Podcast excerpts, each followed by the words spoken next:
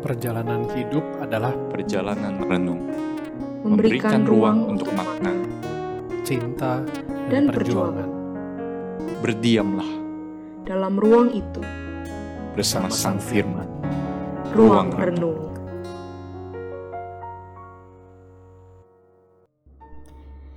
Ada pepatah yang mengatakan bahwa satu-satunya hal yang diperlukan manusia untuk dapat tetap bertahan hidup dan bahkan melaju di dalam hidupnya adalah pengharapan.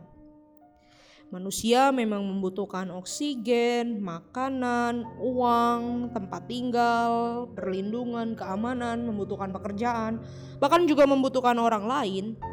Tetapi semuanya itu akan menjadi tidak berarti seandainya orang itu sendiri tidak punya pengharapan dalam hidupnya. Sebaliknya, seseorang bisa saja tidak punya apa-apa, bahkan semua yang dia miliki harus hilang lenyap daripadanya. Tetapi kalau dia punya pengharapan, maka hidup bisa terus melaju dan dipulihkan. Seandainya kitab suci kita berakhir pada kitab Hakim-Hakim, di manakah pengharapan itu? Adakah pengharapan itu. Kita melihat sepanjang kitab Hakim-Hakim hanya berisikan potret kegelapan demi kegelapan hidup manusia. Kita diperkenalkan satu tokoh yang bobrok dan diikuti oleh tokoh lain yang lebih bobrok. Kita diperkenalkan dengan satu bangsa yang moralnya merosot dan makin lama makin hancur kita diperkenalkan umat Tuhan yang tidak menyembah Tuhan dan spiritual mereka makin lama makin terpuruk. Keadaan bangsa Israel yang hancur dan terpuruk ini bukan hanya dalam segi politik, militer, pemerintahan, kepemimpinan, bukan hanya dari segi moral atau spiritual penyembahan kepada Tuhan, tetapi mereka juga sampai terpuruk secara sosial masyarakat terpuruk secara ekonomi, dan bahkan unit yang terkecil yaitu keluarga-keluarga juga mengalami keterpurukan. Tahu dari mana? Kita bisa tahu dari kitab Rut yang di dalam Alkitab kita diletakkan persis setelah hakim-hakim. Kitab Rut sepertinya menunjukkan dampak kerusakan hidup Israel dan mempertanyakan masih adakah harapan di sana. Dalam tiga episode renungan ke depan, kita akan bersama-sama mempelajari atau merenungkan juga kitab Rut. Rut pasal yang pertama, ayat yang pertama sampai kelima. Pada zaman para hakim memerintah ada kelaparan di tanah Israel. Lalu pergilah seorang dari Bethlehem Yehuda beserta istrinya dan kedua anaknya laki-laki ke daerah Moab untuk menetap di sana sebagai orang asing.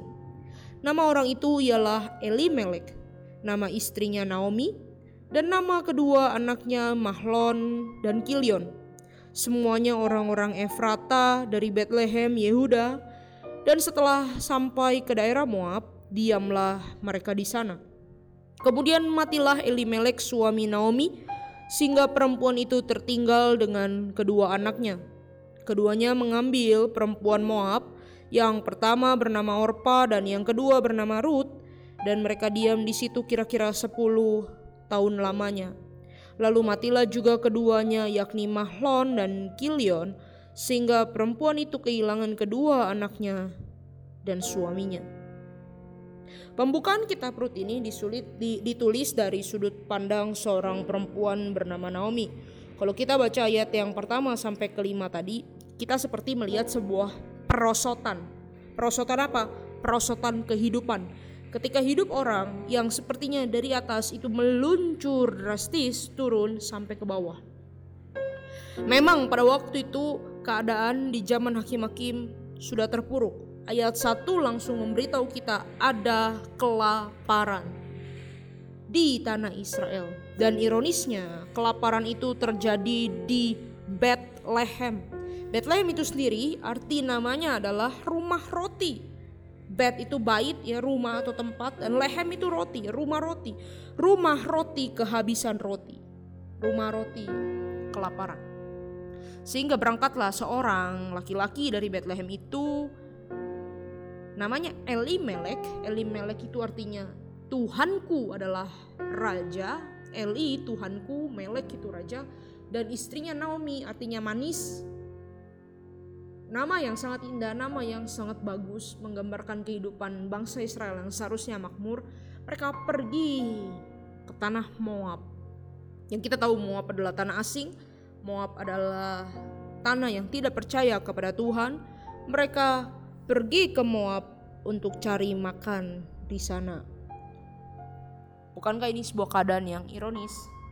Kita tahu waktu Israel dijanjikan tanah kanan oleh Tuhan, mereka dijanjikan apa? Tanah yang penuh susu dan madu.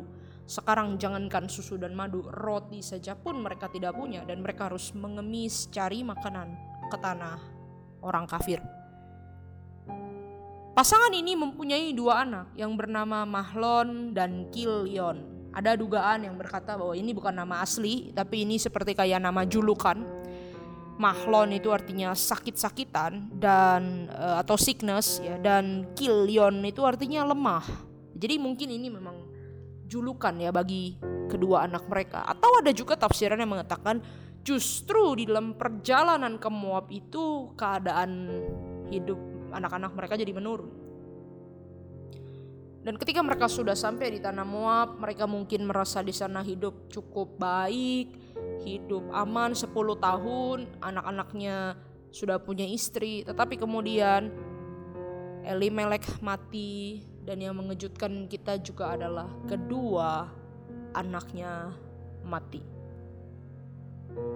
Jadi jalan yang mereka tempuh ke Moab yang tadinya mereka harapkan itu sebagai jalan harapan untuk memperoleh hidup yang lebih baik itu justru sekarang seperti jalan buntu, jalan mati yang membawa mereka justru ke dalam keadaan yang lebih menurun, lebih terpuruk dan lebih putus asa. Sekarang kita hanya punya tiga janda dalam cerita kita. Dan janda pada waktu itu mengalami kehidupan yang sangat sulit. Mereka di tidak dihormati di masyarakat, mereka tidak bisa dapat pekerjaan dengan mudah. Mereka menanggung dalam tanda kutip malu dan mereka tanpa perlindungan, keadaan mereka benar-benar terpuruk. Kalau di kita pakai makim satu sisi kita melihat keterpurukan bangsa Israel itu karena dosa mereka menjadi begitu jahat, menjadi begitu tidak bermoral, bermoral. Nah, di dalam kitab Hakim-Hakim, eh di dalam kitab Rut, kita melihat keterpurukan orang-orang yang lemah, orang-orang yang tidak berdaya, orang-orang yang tidak bisa berbuat apa-apa. Itu para janda ini. Mereka membutuhkan penyelamat, membutuhkan penolong yang bisa memulihkan keadaan mereka.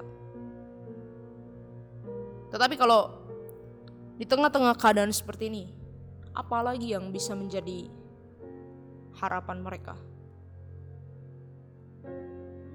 Ayat yang keenam memberikan kepada kita satu titik seperti satu titik terang di dalam semesta yang begitu gelap. Kemudian berkemaslah Naomi dan kedua menantunya dan ia pulang dari daerah Moab Sebab di daerah Moab ia mendengar bahwa Tuhan telah memperhatikan umatnya dan memberikan makanan kepada mereka. Ada satu kata kerja kunci di ayat 6 yang dikatakan yaitu pulang. Dan kalau kita baca pasal yang pertama, kata pulang itu memang sering diulang-ulang ya. Jadi kalau kita tentu tahu um, jalan ceritanya, satu menantu namanya Orpa itu memilih pulang ke Moab, pulang ke kampung halamannya. Tetapi Naomi yang ingin pulang ke tanah asalnya ke Israel itu membawa serta menantunya yang namanya Ruth yang bersikukuh ingin ikut dia. Ruth ingin ikut Naomi pulang. Nah, yang menarik di sini adalah kata pulang itu sendiri atau dalam bahasa Ibrani itu kata suf itu sebenarnya punya makna yang sangat dekat. Kalau dalam Alkitab itu suka dipakai suf itu adalah untuk bertobat. Bertobat.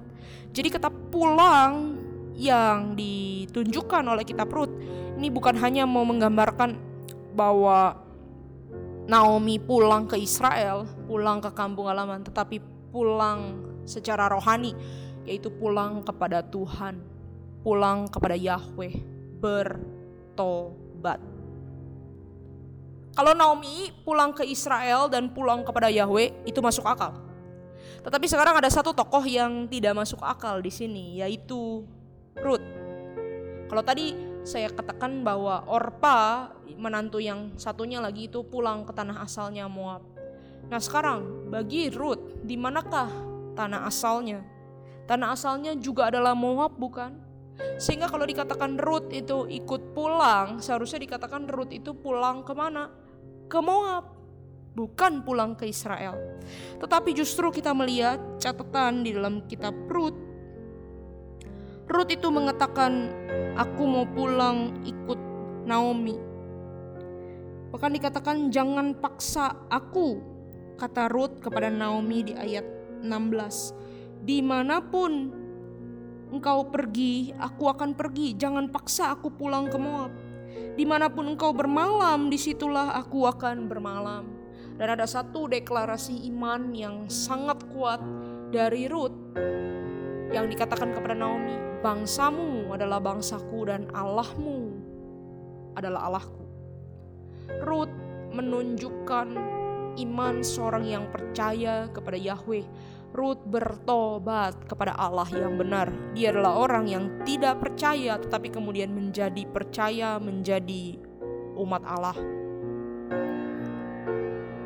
Ada penafsir yang mengatakan bahwa imam iman Ruth itu dapat dibandingkan dengan iman Abraham. Dan kalau dibandingkan, malah kita akan mendapatkan satu kontras yang sangat unik. Abraham diminta Tuhan pergi ke tanah yang dia tidak tahu, dan Abraham mengikutinya. Tetapi Abraham dijanjikan sama Tuhan akan mendapatkan. Jadi kalau Abraham pergi ke tanah yang dia tidak tahu itu, tapi dia di dalam pikiran dia tahu nanti dia akan dapat tanah, dia akan dapat keturunan, dia akan dapat kehidupan yang baik dipimpin oleh Yahweh.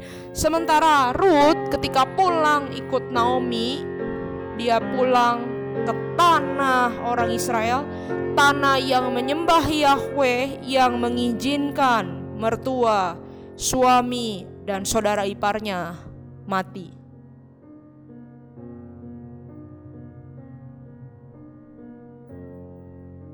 Tetapi Ruth pulang. Naomi pulang. Masih adakah harapan? Ternyata Ruth pasal yang pertama menunjukkan kepada kita masih ada harapan. Harapan bukan dalam situasi dan kondisi karena pada waktu itu bangsa Israel memang keadaannya tidak baik. Bukan pada keadaan konteks hidup mereka ya dua janda yang tidak punya suami, tidak punya pekerjaan, tetapi harapan kepada Allah Israel yang tidak pernah membatalkan janjinya. Harapan itu dapat terlihat ketika mereka berjalan pulang. Hari ini, kalau misalnya kita merasa kehidupan kita sedang hancur, terpuruk, kita sedang berada di titik nadir kegagalan, kita ditinggalkan orang-orang yang kita kasih, kita kita kita bergumul dengan satu persoalan yang sepertinya jalan buntu. Mungkin sudah saatnya kita pulang kepada Tuhan. Pulang kepada Yahweh Mungkin kita sudah seperti anak sulung yang mengembara begitu jauh. Um, maksud saya seperti anak bungsu yang mengembara begitu jauh. Saat ini kita sudah kehabisan segalanya. Seperti Ruth dan keluarganya, keluarga mertuanya yang sudah pergi begitu jauh dari Israel ke Moab. Dan mungkin keterpurukan ini adalah tanda bahwa kita harus pulang. ketika kita berada di jalan buntu dan melihat seperti tidak ada harapan, ketahuilah Allah tetap di sana, menyambut dan menunggu kita dengan tangan terbuka. Dan ketika kita pulang, Dia akan berkata, "My child, come home. I will never let go one of my own." Tuhan akan berkata, "Pulang. Di dalam Tuhan ada pengharapan." Kita akan melihat di dalam dua episode berikutnya bagaimana jalan pulang yang ditempuh itu bisa membawa mereka kepada pemulihan. Pulanglah, Tuhan menanti engkau dan saya.